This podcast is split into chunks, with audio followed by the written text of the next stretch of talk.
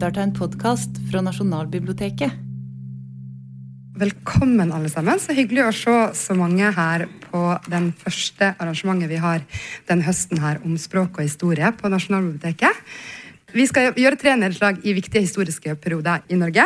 Middelalderen, reformasjonen rundt 1536 og nasjonsbygginga rundt 1814. Og se på hvordan språket endrer seg, og hvordan språket sjøl er med på å endre. Og Hver gang skal en historiker og en språkforsker møtes her på scenen til samtale med Jens Kiel, som er programleder for serien.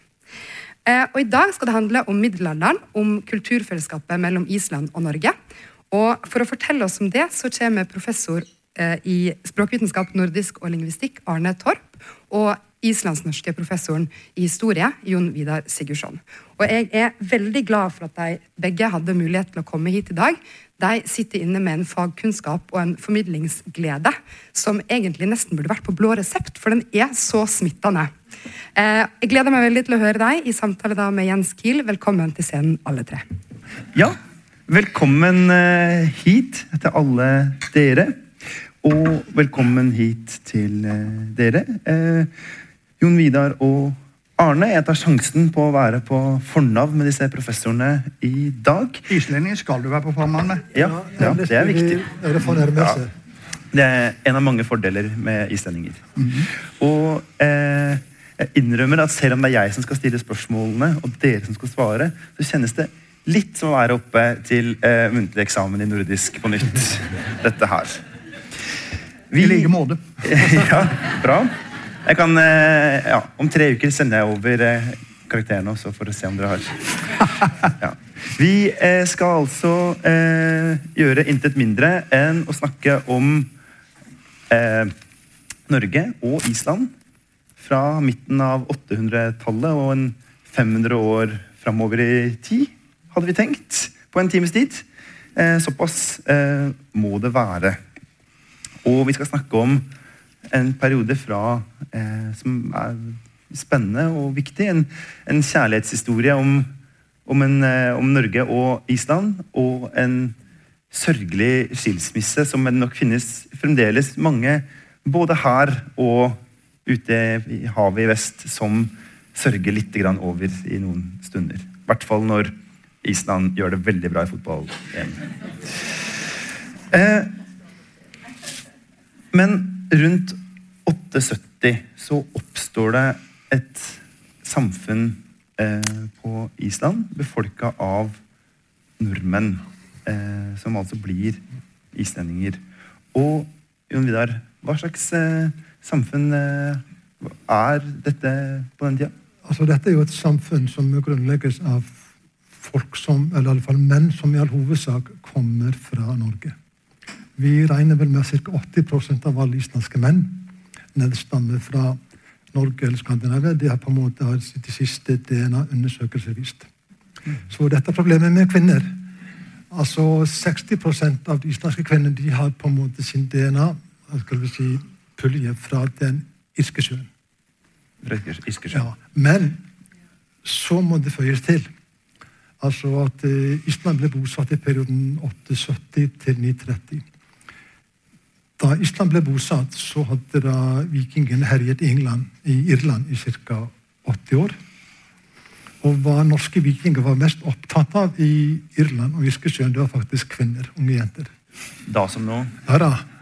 Og de tok med seg hjem mange slike. Og nå vet jeg faktisk veldig lite om hva skal du si, tallet på slaver og slaverinner i Norge i denne perioden, men det er veldig mye som tyder på altså at størstedelen av de kvinnelige slavene faktisk kom fra Iskesjøen. Det vil da si altså at Når Island ble bosatt, og de norske vikingene tar med seg sine kvinner, så var det faktisk på en måte norske kvinner som nedstammer fra Irland. Mm. Og det får på en måte da konsekvenser for det språket som, som, på en måte man begynner å snakke der. Det er faktisk veldig få irske låneord i islandsk. Vi kjenner til ca. 50-60 personnavn og ca. Altså, si, 30-40 stedsnavn. Ja. Har du et eksempel på et irsk låneord som fins i dag? I dag Eller navn? Altså, Kjartan er et veldig godt uh, navn, uh, kjent navn. Mira Kjartan, Kjartan Patrek og ikke minst Patreksfjørður. Hvis noen har vært oppe på Vestfjorden og på Island, så er det faktisk den største fjorden der. Patreksfjørður, etter en, en kar som kommer fra Irland. Ja. Og njål. Selvsagt Njål, ja, ja. Så det fins, men ikke mye. ja. Ja. Eh, og de reiser til eh, Island og blir bønder, for det er nordmennene som har skipene. Altså det, altså, Ja, altså det er riktig. Altså Islendingene eller landene kommer på sine skip, og for å kunne dra over havet, så må de faktisk eie et skip. Og eh, islendingen eier skip, eller havgående skip, fram til ca. år 1000. Og etter det så faktisk hører vi ikke om at islendingen eier skip i det hele tatt. Faktisk en og en hører Snorre Sturluson får en skipsgave fra Skule Jarl, men i det store og det hele på en måte er islendingene etter 1000 fullstendig avhengig av norske kjøpmenn. Og det første, norske, det første islandske vikingskipet, når ble det bygd? Det ble faktisk i 1999. 1999. Ja. Så, så veldig, veldig frampå er det ikke. Nei, nei, nei. Eh, og språket eh, som Fordi dette er folk fra Sør-Vestlandet, antageligvis, for det meste. Eh, hva slags språk eh, er det i Norge på denne tida? Ja, i Norge er det selvfølgelig, som i resten av Skandinavia, nordgermanske dialekter, for å si det litt lingvistisk. Eh, Det var helt sikkert dialektforskjeller. Eh, Dansken hadde nok begynt å skeie ut ganske tidlig. Det ble verre og verre i Danmark etter hvert. Svensken kanskje litt mindre, men jeg tror nok det gikk an å høre forskjell på dialektene i Skandinavia. Og òg faktisk innaføre det som i dag er Norge, var det nok en del dialektforskjeller. Men det som er eh, sikkert, er at det som blir islandsk i framtida, altså sett ifra, ifra 800-900-tallet, eh, det er veldig sterkt sørvestlandsk prega. Mm. Og der er jo da ting som altså slår ut seinere, både i islandsk og på Sør-Vestlandet, men som ikke var i det språket som landnomsmennene hadde med seg. De sier f.eks. fjall og steiten og sånne ting på moderne islandsk. Mens de sa helt sikkert fjall og stein på både Sør-Vestlandet og ellers i eh, Norge på den tida. Men så begynner de altså å si sånne merkelige ting som fjall og stein. Både på Island og på Sør-Vestlandet. Seinere. Og det er interessant. Det tyder på at det er noe, en slags indre drift i språket. De snakker om drift på engelsk. Eh, at det er altså en anlegg for bestemte slags språkendringer i eh, bestemte språkformer. Og Dette skjer bare på Sør-Vestlandet og i de der Vestehavsmåla. For det er par parallelt i færøysk òg. Ja. Og kanskje i de andre, men de vet ikke om. For de er gått tapt. Uh, Shetlandsk, Norden osv. Så, videre. så det er interessant. Og eh, var det veldig mange som kom fra Sør-Vestlandet? Vet du det, Jon Vidar? Altså, det vet jeg faktisk veldig lite om, men eh, det som er faktisk det viktigste, er at eh, kontaktene mellom da Island og Norge er faktisk da til Vestlandet, i all hovedsak. Og som jeg sa, så at islendingene er fullstendig avhengige av norske kjøpmenn. Og uten de norske skipene så hadde det faktisk ikke vært eh, Island bosatt i det hele tatt etter ca. 1000. For å sette det litt på spissen. Jeg har av og til sagt at Island var den best og mest integrerte delen av Norge i middelalderen. Hva legger du i det? Eh, Hva sa du? Hva legger du i det? Altså at eh, Uten islandske, uten norske skip så hadde faktisk, som jeg sa, altså Island ikke eksistert. Og skulle man dra fra Island til Europa, så dro man over Norge og vice versa. altså. Og da er det én by som gjelder. Altså, Bergen altså Selvsagt på en måte altså, kontakten denne, denne veldig tunge kontakten mot Vestlandet den starter selvsagt på en måte i landnordsperioden sånn mellom 870 og 930. Den fortsetter selvsagt ut i middelalderen, og når Bergen blir grunnlagt på slutten av 1000-tallet, så faktisk blir Bergen liksom islendingenes midtpunkt. Og faktisk eh, min gamle eh, veileder, Magnus Stefansson, han jo omtalte jo Bergen som faktisk som Islands første hovedstad. Og det er nettopp da eh, Bergen er på en måte sentrum for eh, de der eh, typiske felles islandske, eh, norske eh, språkutviklingen på Sør-Vestlandet. Men hvis du ser på moderne bergensk, sånn som det er i nyere tid, så finnes det jo ingen av de der spesialutviklingene der. For bergensk er jo blitt voldsomt påvirka av eh, nedertysk, som vi kanskje skal snakke litt mer om litt seinere. Ja, Må ikke røpe alt. da. Nei, nei, nei, må ikke det. Men altså, Bergen ligger jo som ei språkøy nesten på Vestlandet. Ja. Det er jo absolutt ingen by i Norge som har så stor avstand i dialekten til omlandet som Bergen. Og det er fordi at Bergen er den eneste gamle storbyen i Norge. Eh, alle andre byer i Norge er bare småflekker. Eh, Kristiania var ikke påtenkt engang, selvfølgelig. Og gamle Oslo var bare noe småtteri. Så den er på størrelse med København og Stockholm. Så det var en ekte by. Det var en storby. ekte bysamfunn. I skandinavisk sammenheng var det en storby. Og det er den I islandsk sammenheng så er det den eneste byen som er å snakke om.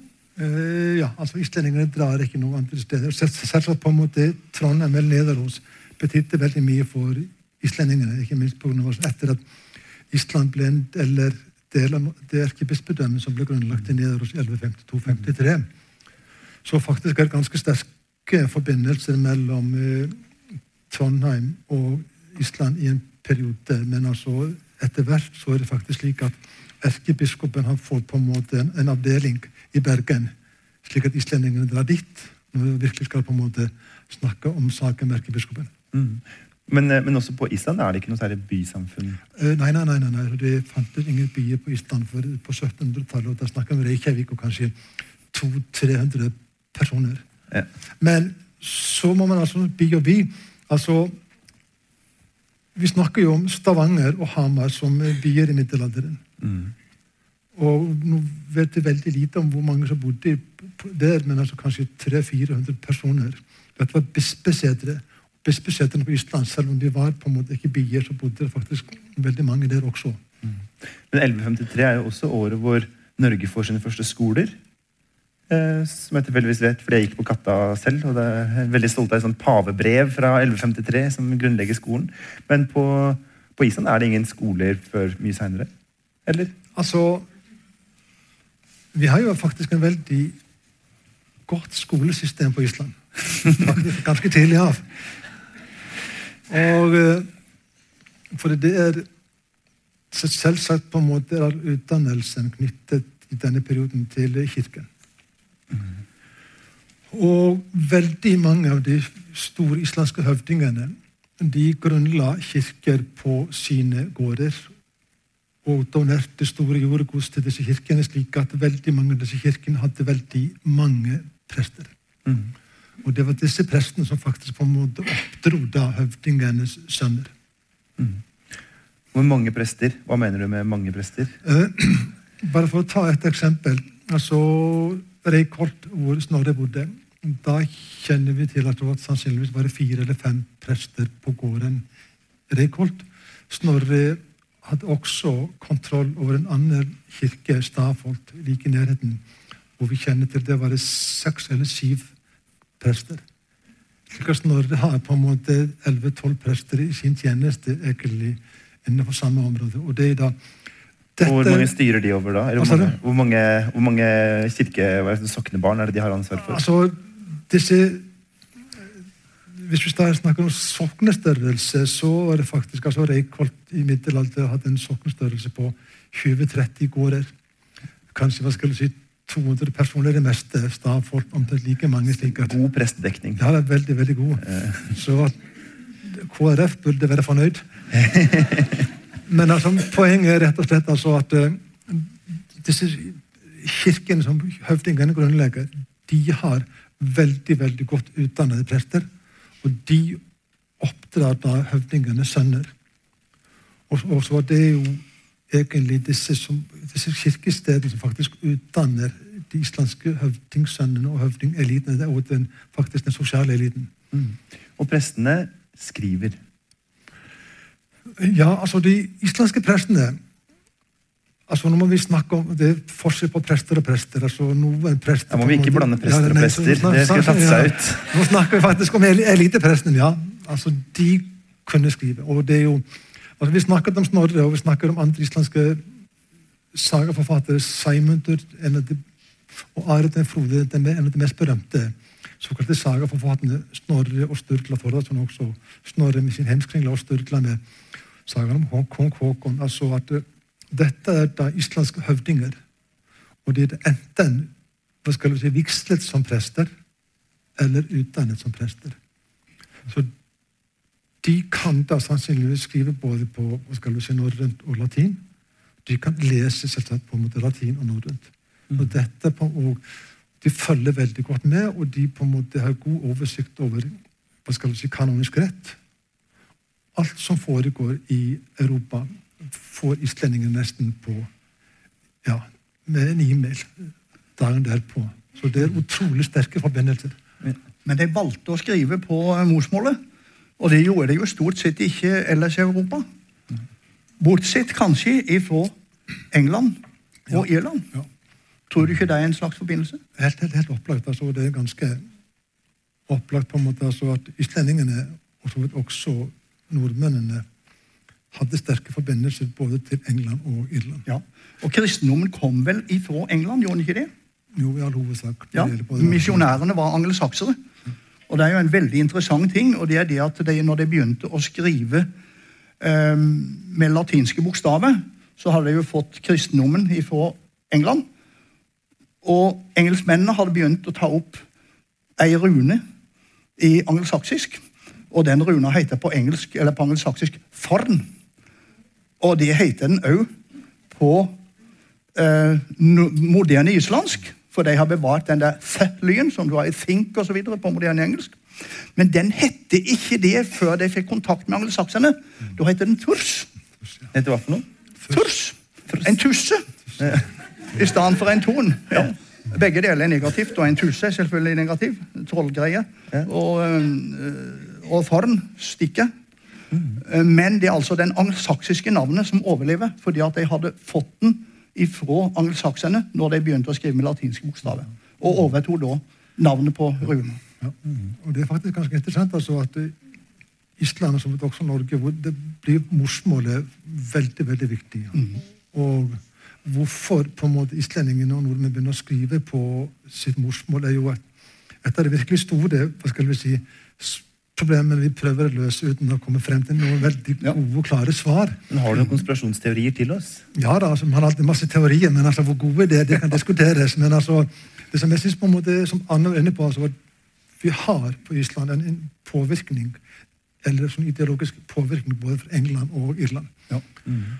Det er jo artig med akkurat Snorre som historiker har vel ganske høy status, iallfall for oss vanlige folk. ikke sant? Mens han der eh, dansken, Saxo, som satt og rota og skrev latin, han er bare tullbukk. Nå, nå setter jeg det på spissen. Ja, nå er Og du, uttaler det er stygg med Saxo. Ja. Eh, Han er kanskje død, så det er ikke så Ja da, begge er døde. Så, Alle er døde. Det var trist å høre. Nei, Det ser faktisk ut til at islendingene begynner altså å skrive på morsmålet på slutten av 1000-tallet. 1096-97. Så får vi de første lovene om, om tiendene på Island, og det er sannsynligvis skrevet på, på, på norrønt. Og så i begynnelsen av 1100-tallet så faktisk tar det fullstendig av. Vi har første versjon av Landnamabok. Vi har på en måte islendingebok. Vi har massevis av oversettelser fra latin til norrønt. Og helt opplagt altså at det, Altså det, ja, hvorfor? Men en forklaring er i alle fall altså at veldig, er faktisk at alle biskoper på Island fram til 1238 er islandske. Og dette er en klar motsetning til hva skal vi si, som kjenner til fra Danmark, Norge og Sverige. I Norge er faktisk de aller fleste biskoper fram til 1130 utlendinger. Hvor er de fra, da? Tyskland, England, til og med to eller tre fra Island. Ja. Altså, vi kjenner navnet på ca. 25 eller 26 biskoper i Norge fram til 1130, og det er kun egentlig fire eller fem som en sikkert si på en måte var norske. Og det er sikkert også en viktig grunn til at islendingene faktisk på en måte var så opptatt av dette med morsmålet.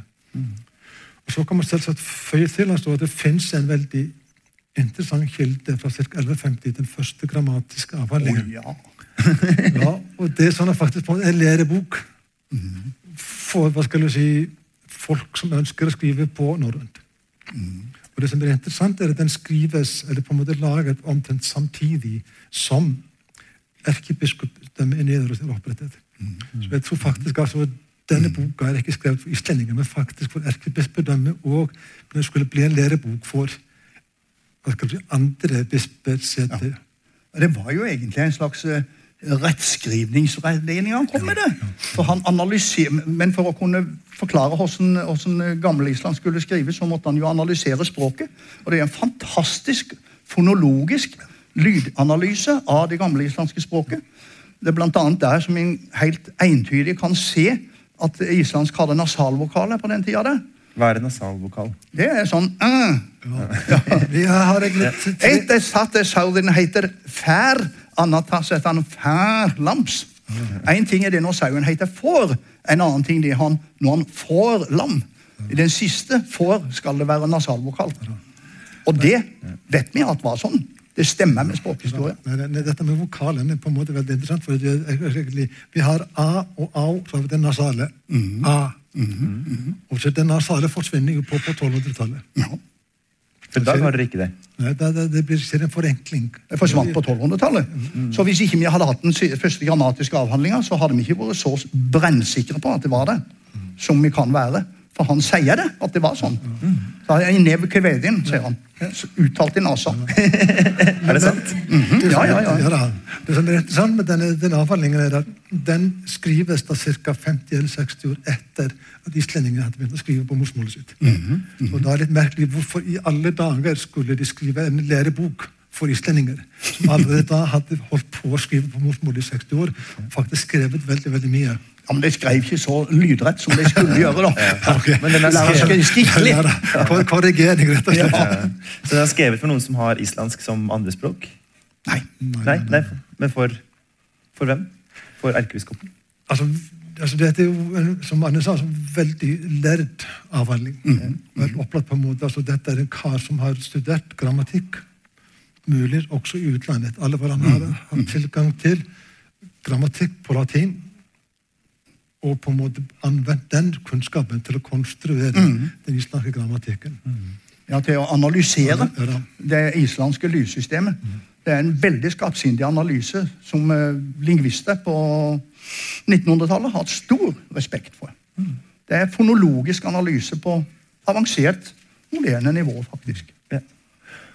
Og det er eh, eh, Men Island er jo for eh, Eller det, det jeg tror veldig mange nordmenn forbinder med islandsk språkutvikling og språkpolitikk, er jo at det er et eh, konservativt eh, land i, i så måte. Og, eh, og dagens moderne islandsk er, gjør det mulig å, å, å lese de gamle klassikerne, eller? Ja da, det, det er helt riktig. Altså, at vi, de aller fleste islendingene, hvis de orker og gidder, kan gjøre det. Men altså at jeg må si rett ut altså at Njålsaga eller Ekelsaga er ikke blant de mest populære sagaene for ungdom i dag. Altså, De holder seg langt unna disse sagaene, men altså, med litt innsats, ja, så kan vi gjøre det. Det er ikke så mye verre enn å lese Bjørnsons Bonde-fortellinger for norske elever, kanskje. Nei, nei, nei. Men altså, den konservatismen altså det islandske, altså På 1800-tallet så skjer det faktisk ganske interessant på en måte i forbindelse med frigjøringskampen. Altså, Island er kommet under Danmark. Det er kanskje den beste. Ja da, dessverre. Men altså, da prøver man virkelig å sette fokus på språket. Man skulle da rense språket for alt dansk låneord. Og Da setter man i gang med på en måte at konst, kanskje ikke konstruere, men hva skal korrigere det språket som fantes på Island på 1800-tallet. Og da ganske systematisk så renser man ut alle de danske låneordene. Og da, men da gikk man da til, eh, til kildene? Altså, hvordan bestemte man Ja, seg? da, altså, hvordan, hvordan visste man hva som de, var de hva? har faktisk på en måte, Vi har veldig godt med, med kilder på Island, og det er jo det som gjør dette mulig. Og vi har manuskripter fra 1200- og 1300-tallet, så man kunne faktisk se språkutviklingen. Så går man egentlig til gullalderspråket på 1100- og 1200-tallet. Og det er det som faktisk blir på en måte grunnen for det moderne islandske. Hvor mye endrer språket på Island seg i denne perioden? Er det, er det store endringer, eller er det på en måte det, er, er det ganske likt? Hva vet du om det? I den perioden som vi, snakker om, som vi skal snakke om her i kveld, Ja. fram til 1300-1400 eller noe sånt, Ja. så har vel ikke islandsk forandra seg så kolossalt mye. Eh, Det har nok forandra seg en god del i uttalen, men det gir ikke noe utslag i skriftspråk, I alle fall. Og den der store massen med nedertyske ord som vi får i Skandinavia, den får jo islandsken så å si aldri. Ikke i den masse, i alle fall. Så eh, det at islandsk på, på 1700-1800-tallet, når de begynner å vakne for, til purisme på Island, så er det jo for en stor del slike lærde ord som de ikke vil ha. Så de kunne egentlig gå til folkemålet i veldig stor grad og finne det igjen. da altså. Omtrent som en Ivar Aasen her i landet kunne jo finne mange gode norske ord rundt omkring i dialektene, men eh, det var mye vanskeligere her i landet å drive purisme. For eh, ja, hanseatene hadde romstert her i noen hundre år. For det er jo eh, disse hansiatene. De må vi prate litt, litt om. Når er det hansiatene kommer til Skandinavia? Altså det kommer alt, det er sånn 1300-1400-tallet som faktisk virkelig kommer tungt inn. Og det er da, som Anna har vært innom, på en måte det er Bergen som blir på en måte hovedbasen for hans og kjøpmennene. Og eh, det er jo en massiv hva skal vi si, kontakt mellom da Bergen og Tyskland, så det er Lübeck. Og eh, da er det veldig en god del altså ord som kommer liksom inn den veien. Men det må jo kanskje også da nevnes altså at i Bergen så prøvde hans og kjøpmennene og også håndverkerne på en måte at holde seg litt adskilt fra lokalbefolkningen. Så at de fikk ikke lov til å gifte seg med hva skal jeg si, innfødte. Derimot i Stockholm så var det tillatt. Så da ser vi faktisk på en måte altså et litt annet språkutvikling enn hva skal vi si, Bergen-området og Stockholm-området av akkurat dette her giftermåls hva skal vi si, mønsteret. Ja, ikke sant? Men, de, eh, men de tar med seg eh, selvfølgelig et, et nytt, nytt språk. Men er det, er det Får vi eh, all slags ord, eller er det først og fremst ord som har med handel å gjøre? Eller hva er det? Hvordan Ja, en må jo tro at de først eh, importerte, uten å, bruke akkurat de ordet, da, men tok i bruk de ordene som de hadde så å si bruk for for å snakke med hanseatene. Eh, nye begreper osv. Men det gikk jo langt, langt utover det. F.eks. de aller vanligste ordene for å bruke språket. Nå sa jeg 'bruke' og 'språket'. Det er nedertysk. Sånn som å snakke og å prate. Begge de to ordene er nede tyske Og det eneste som er norrønt, det er tale. Som har nærmest en slags høytidelig klang i dag. Og språk er òg nedertysk, som sagt. Mål er det noe? Så det oversvømte noe så kolossalt. eh, alle skandinaviske språk. Og det, det flaut selvfølgelig ut ifra de store hans, Hansa-byene eh, i Norge, først og fremst Bergen, da, og eh, Stockholm og København osv. Det er en setning som jeg har brukt i mange sammenhenger. Den er ikke vi som har kontrollert den, så jeg kan jo godt bruke den uten å være sånn reg drive reklame for meg sjøl. det er ja, det vil ikke han ha. Nei, nei, nei. nei. Det- det kan Det, er- altså. det, det, det, det er Finn Hødnebø som har laga denne setningen her. Men den er så kjempegod, for den består bare av nedertyske ord, bortsett ifra eh, konjunksjonen at og og. Eller subjunksjon heter det forresten at. og og. Og så verbet var. Skredderen tenkte at trøya passa fortreffelig, men kunden klaga og mente at plagget var kort og tøyet simpelt og grovt. Ta det en gang til, og saktere.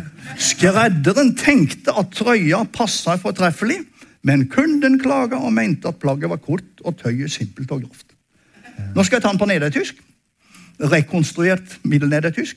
du skrader dachte dat die trøye fortreffelig paste, men de kunde klage noen mente at de plagget kort was, dat simpel und groff. Dere hørte det var noe i grammatikken som var litt annerledes, med ordstilling og sånn. Og så var det foranstilte artikler, sånn som 'dødsgrader' og så videre. Men ellers så var alle orda, bortsett fra de der tre-fire grammatiske orda, nedertyske. Og hvis vi tar den på islandsk, ja, det skal vi jo gjøre moderne islandsk, puristisk islandsk, så er den sånn. Kleisk er en kjelt at skirtan de fullkomlega. En viðskiptavinurinn kvartaði og taldi að flíkin væri stutt og efnið einfalt og grovt. Det er to nedertyske ord. Passaði og grovt. Alt det andre er nordisk. Men for dette er jo, altså Når vi snakker om eh, eh, dansk og tysk eh, påvirkning på, på norsk, så er det jo ofte er eh, endelser og, og en del ord som liksom enkeltord. Men dette er jo utrolig mange ord som jeg tror de aller fleste nordmenn vil tenke på som fullt og helt norske. altså Ord som kort eller plagg eller Ja, ja. sånn. Nedertysken er så integrert i all skandinavisk at å tenke seg å snakke uten nedertysk ord, det er bare å holde kjeft. Jeg får ikke sagt noen ting. For jeg synes jo det det er litt um, Det er jo eh, litt sørgelig eh, å tenke på at Eller jeg har jo ikke noe, jeg har mye mer lyst til å skjønne den islandske setningen enn den nedertyske. Eh, Ja, men Grunnen til altså, at islendingen ikke blir påvirket i samme grad, rett og slett på en måte altså kommunikasjonen Ja. mellom da Norge og Island. Opphører, eller forsvinner, blir det kraftig redusert fra med 1350 og utover. Altså så Etter svartedøden så faktisk er det veldig klart brudd i kommunikasjonen mellom da Bergen og Island. Ok, den er i ferd med å ta seg opp. På slutten av 1300-tallet så kommer et angrep fra Vitalinene i begynnelsen av 1400-tallet på Bergen. Og da er det siste av de store skipene som faktisk blir ødelagt. Og etter det er det egentlig opphør all kontakt, sånn i alle fall handelsmessig, mellom Island og Norge. og hvor Den- lenge da? Fram til begynnelsen av 1800-tallet. Nei, og Det er selvfølgelig en viss kontakt med altså, erkebispesetet, men den går da via på en måte København og andre kanaler. Men altså at det da fra ca. 1400 så ser det ganske klart brudd mellom da Island og Norge. Og Riktignok er det en god del hansekjøpmenn som kommer til Island, og en god del engelske kjøpmenn, men de setter på ingen måte etter seg noen spor i språket. Så hvis vi skulle, hvis vi skulle ha reddet Norge, så måtte vi kutte på denne hva skal det, kontaktene med hansekjøpmennene, og det var liksom fullstendig uaktuelt. Og ikke bare det, men altså hele Kalmarøyen og hele på en måte Norden er faktisk veldig orientert mot Tyskland i hele høy, selv selv i senmiddelalderen. Og, det, og da går jo også Bergen fra å være en helt sentral by i denne historien til å forsvinne litt mer ut på sidelinja. Ja, den var jo en sentral eh, Hansaby. Ja. Bergen var jo den suverent største byen i uh, Norge, og en av de aller, aller største byene i Skandinavia, helt fram til ja, 1600-1700-tallet. Og eh, Kristiania gikk ikke forbi Bergen før på 1830-tallet. Bergen var den største byen i Norge alle hundre år før det. Men eh, vi må snakke eh, eh, Nå syns jeg vi eh, foregriper historiens gang her litt. Vi må snakke litt mer om Island før vi eh, forsvinner inn i svartedauden og blir der. Eh, det, jeg, kan, jeg kan jo røpe på at denne kvelden har Det er ikke noe happy ending her. Det, er, det går dårlig mot slutten av den timen. Eh, for eh, eh, det norrøne samfunnet der har eh, ordet en voldsom eh, makt og betydning. Kanskje på en måte som, som vi nesten ikke skjønner i Ja, dag. altså at Ordets makt altså, var ganske sterkt. Og dette med æren og æres oppfatning betydde veldig mye, i alle fall både i Norge og på Island, til ut på 1200-tallet i hvert fall. Og hvis noen sa noe stygt om deg, så faktisk måtte de gjøre noe om saken. Og det finnes jo utallige morsomme episoder i sagaene om ikke minst mødre som av og til er litt skuffet over sine sønner. Det kan du si. Ja da, det skjer veldig ofte, ikke sant? Men altså, men altså da faktisk går de til det skrittet å egge sine sønner og skjeller dem ut i offentligheten. Og eh, vi kan godt ta et eksempel. altså Olav den hellige han hadde en ganske fin mor. God mor, hvis vi skal stole på Snorre, som sa rett ut altså, at hun ville mye heller at han døde ung Det åpner noe ærefullt å bli enig konge i Norge enn å bli gammel som sin stefar. Og ja, Hvis vi skal ta dette bokstavelig, så selvsagt på en måte måtte Ola gjøre noe med saken. Ja. Så han kunne ellers på en måte måtte leve med, med skam. Og det er det som faktisk på en måte, Vi ser det veldig mye i disse her, selv islandske familiesagene, altså Egil Laksdal og andre altså sagene, altså at hvis noen sa noe om deg, så måtte du faktisk gjøre noe med saken, uansett om det var riktig eller ikke. Du var faktisk her, da. Så dette med å spre rykte om noen kunne ha ganske dramatiske konsekvenser. Har du flere eksempler fra saga-litteraturen på dette? Ja da, altså det er jo eh, Kanskje en av de mest berømte det er da i Njolsaga da Bergfora snakker til sine sønner og sier rett ut altså at hun ville mye heller at de hadde vært døtre som hun kunne gifte bort, enn gutte som ikke på en måte dugde til noe som helst.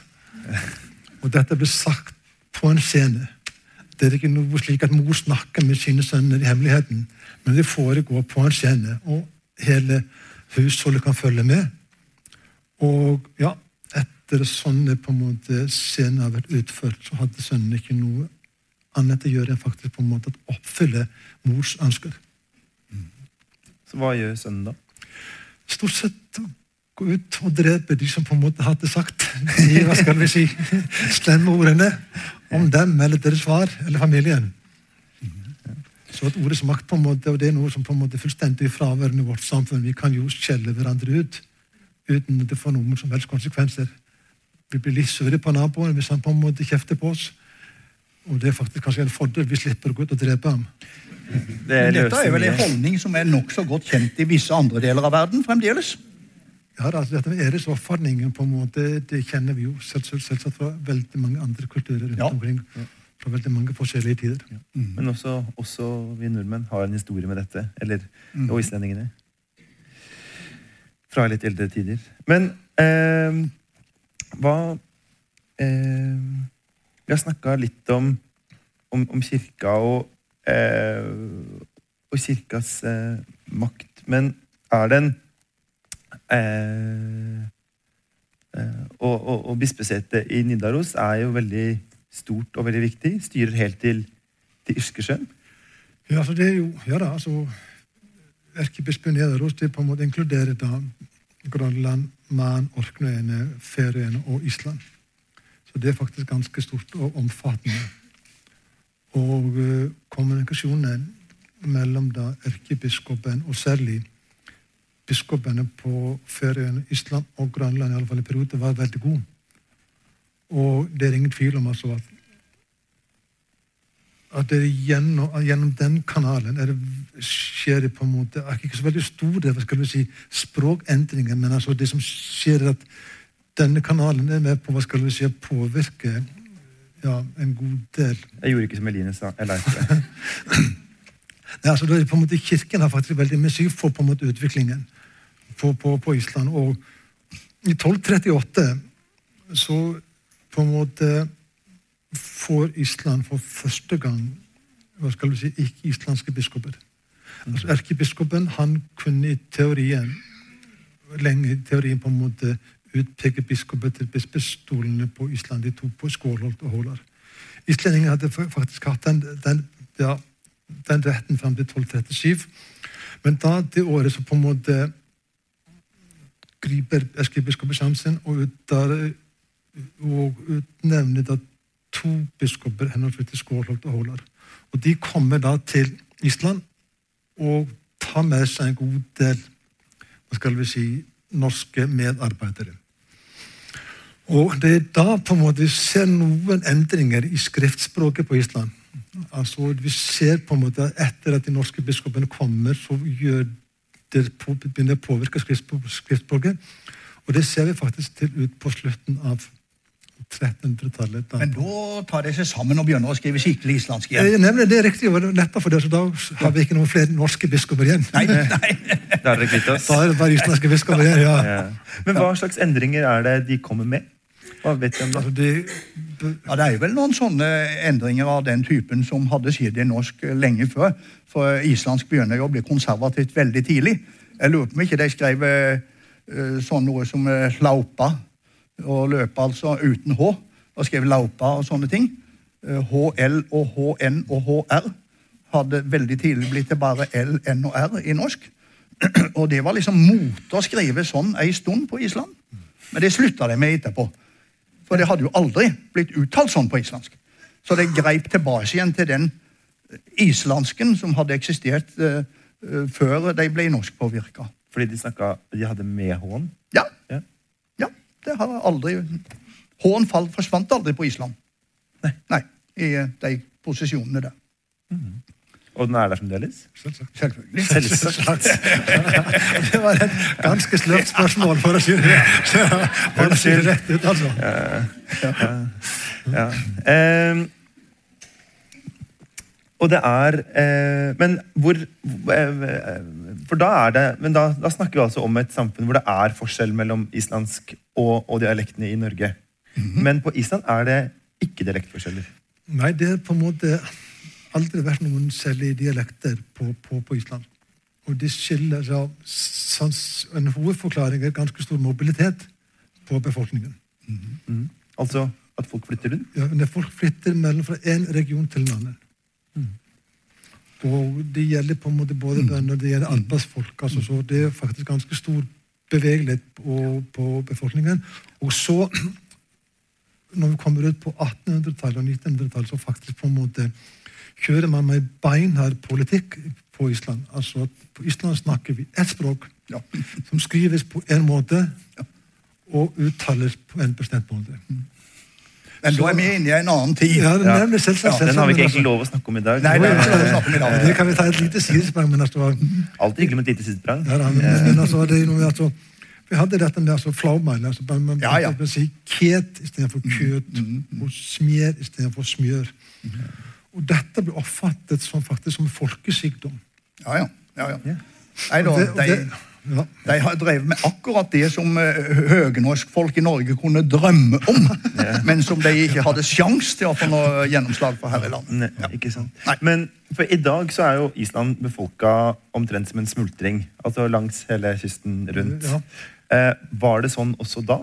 Eh, ja, da, Eller altså, i, i, den, eh, i middelalderen? I dag er faktisk eh, hele befolkningen i Reykjavik omegn.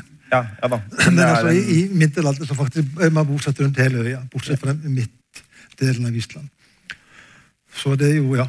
Så det er egentlig ganske lange avstander vi snakker om, men likevel lite dialektforskjeller. Eh, ja, og så må vi kanskje heller ikke glemme altså, ok, Det er lange avstander, men det er stor bevegelighet, bevegelighet på befolkningen. Og vi snakker ikke om så særlig mange mennesker heller. Sannsynligvis var befolkningen på Island på 1200-tallet ikke mer enn 50 000-60 000. Men det er en veldig interessant forskjell mellom eh, de to eh, eh, norske utvandrersamfunnene som fremdeles eksisterer med nordisk språk, altså Island og Færøyene. For Færøyene er jo mye mindre både i utstrekning og i folketall. Men på Færøyene er det rimelig store dialektforskjeller. Ikke noe som sammenlignbart med i Skandinavia, riktignok. Og ikke noe som kan nærme seg å være kommunikasjonsproblem. Men all- all- allikevel såpass tydelig at uh, færinger kan veldig lett lokalisere folk eh, etter dialekten. Og det har nok med det å gjøre at på Færøyene har de da altså ikke hatt den samme kommunikasjonen over store avstander hele tida. De har levd i sånne små landsbyer, bygder som de kaller det. Og uh, hver bygd, eller bygd har liksom sin dialekt, da. Og sånn har det ikke vært på Island. Nei. Island er island, islandsk er islandsk. Ja. Men i Norge på den tida så begynner det å bli ordentlige dialektforskjeller. Å oh, ja, ja, ja. Oh, ja, ja, ja. ja, ja. Det er lenge før det. Ja, ja. Ja, ja, før for- utvandringa begynte nok Ja, det. ikke sant. Ja. Og, uh, men, uh, men er vi da på en måte på altså hvor, hvor, uh, hvor smått ned kan man gå og merke dialektforskjeller? Er det fra vik til vik bortover På Færøyene. Nei, Norge? Å! ja, fremdeles kan vi jo finne ut en god del.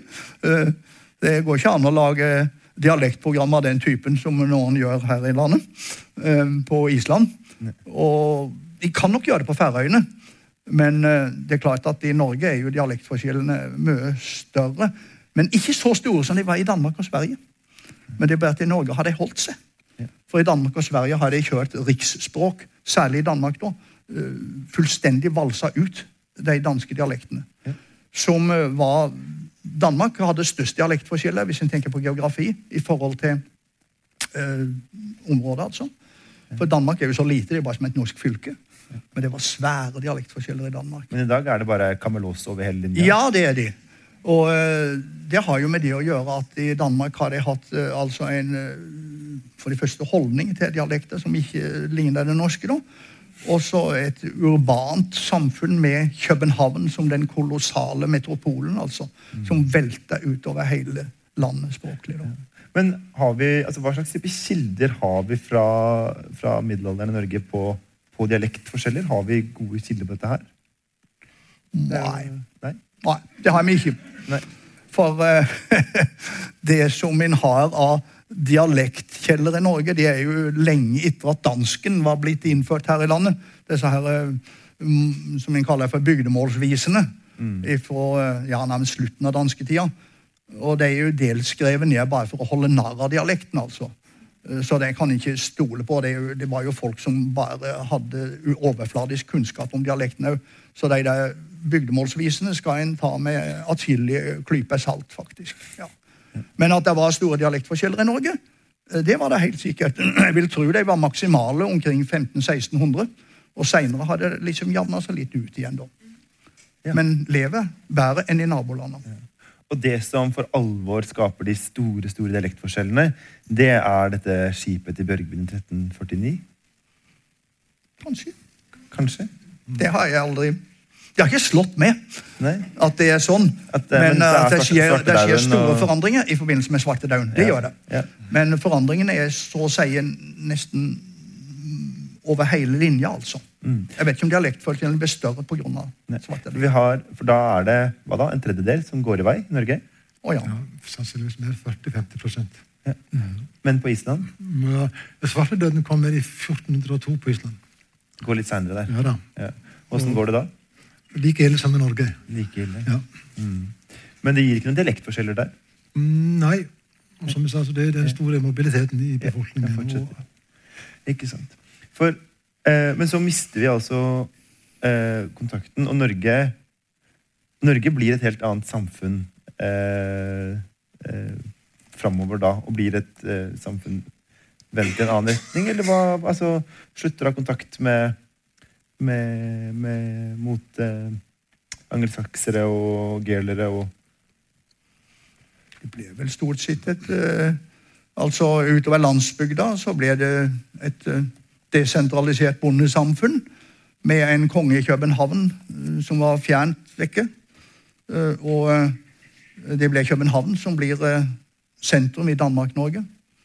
Eh, det var jo ikke noe sentrum i Norge som kunne kalles noen slags hovedstad, før vi altså fikk eh, Kristiania etter 1814. da. Det er litt uventa forresten at det ble Kristiania, i og med at eh, Bergen var mye større.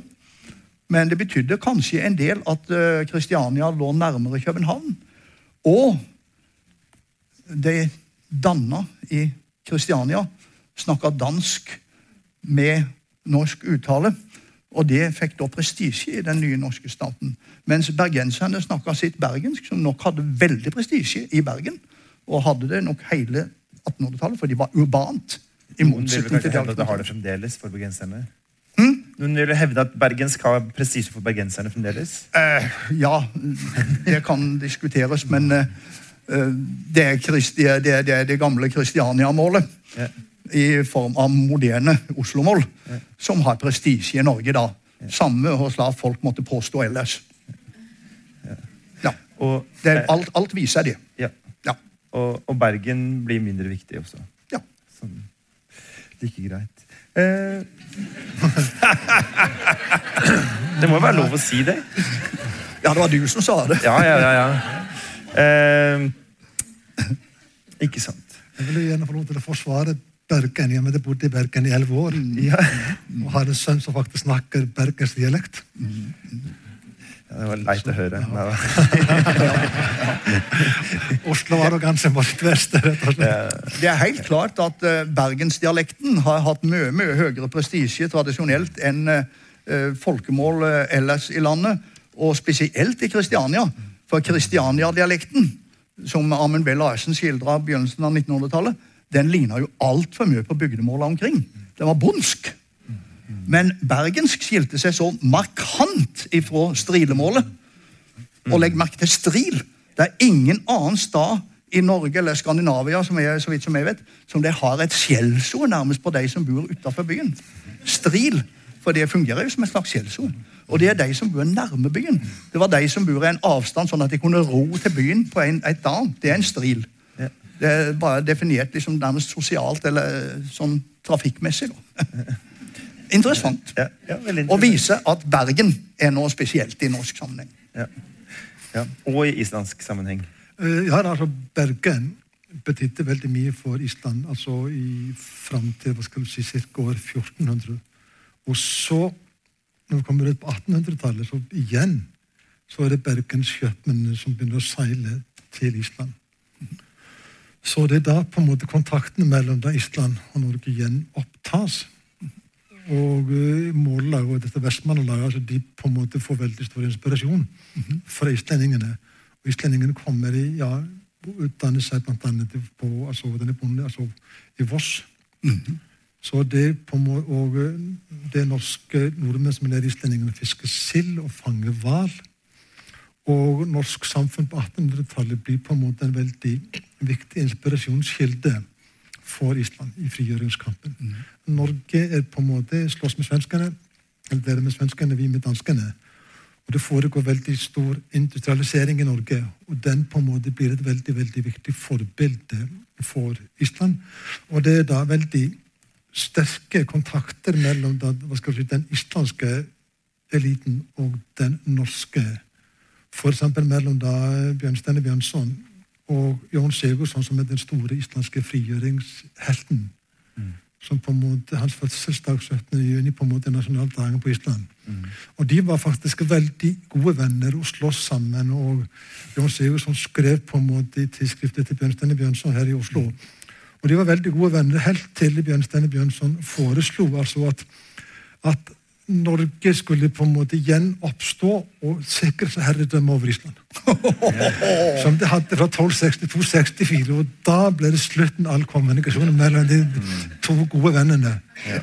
Men det er jo en idé som er eh, oppe med jevne og ujevne mellomrom. Sist i 2008 var det jo en del som tok til orde for det. Og nå i forbindelse med vårens, eller sommerens fotballarrangement så var Ja, det jo altså, flere Island- her som var Når islendingene ble blir blakke og på en måte trenger noen til å betale regningen for seg, så selvsagt på en måte ja, oljefondet. Ja, hvorfor ikke? ja. Ikke sant? Ja. Vi nærmer oss jo slutten her. Eh, er det noe som vi ikke har vært innom, som dere sitter og brenner inn med? Hva hva er det det heter for noe? Sånn, har kandidaten noe han ønsker å legge til på slutten? Nå plutselig ble det eksamen allikevel, altså. Nei, Nei, det har vært godt. kanskje ikke det. Nei, nei. Nei. Dere syns dere har besvart oppgaven greit? Vi kan jo utfordre de som sitter i salen. Nei, det får vi ikke lov til. Vi får ikke lov til det. Nei, det, det sier jeg nei til. Da kan hva som helst komme. Men, eh, men, jeg, men dere har lova at dere er her. Hvis det er noen som nå sitter og lurer på noe, så er det lov å nappe i en jakke her og, og stille spørsmål til, eh, til disse eh, karene. Så eh, jeg tror at vi rett og slett sier at det var det. Eh, vi kom litt nærmere å finne ut hvor tett denne kontakten egentlig var. Vi fikk vite en del nye ting om, eh, om Bergen og om eh, eh, andre steder. Så jeg takker for, for meg og for, for dere.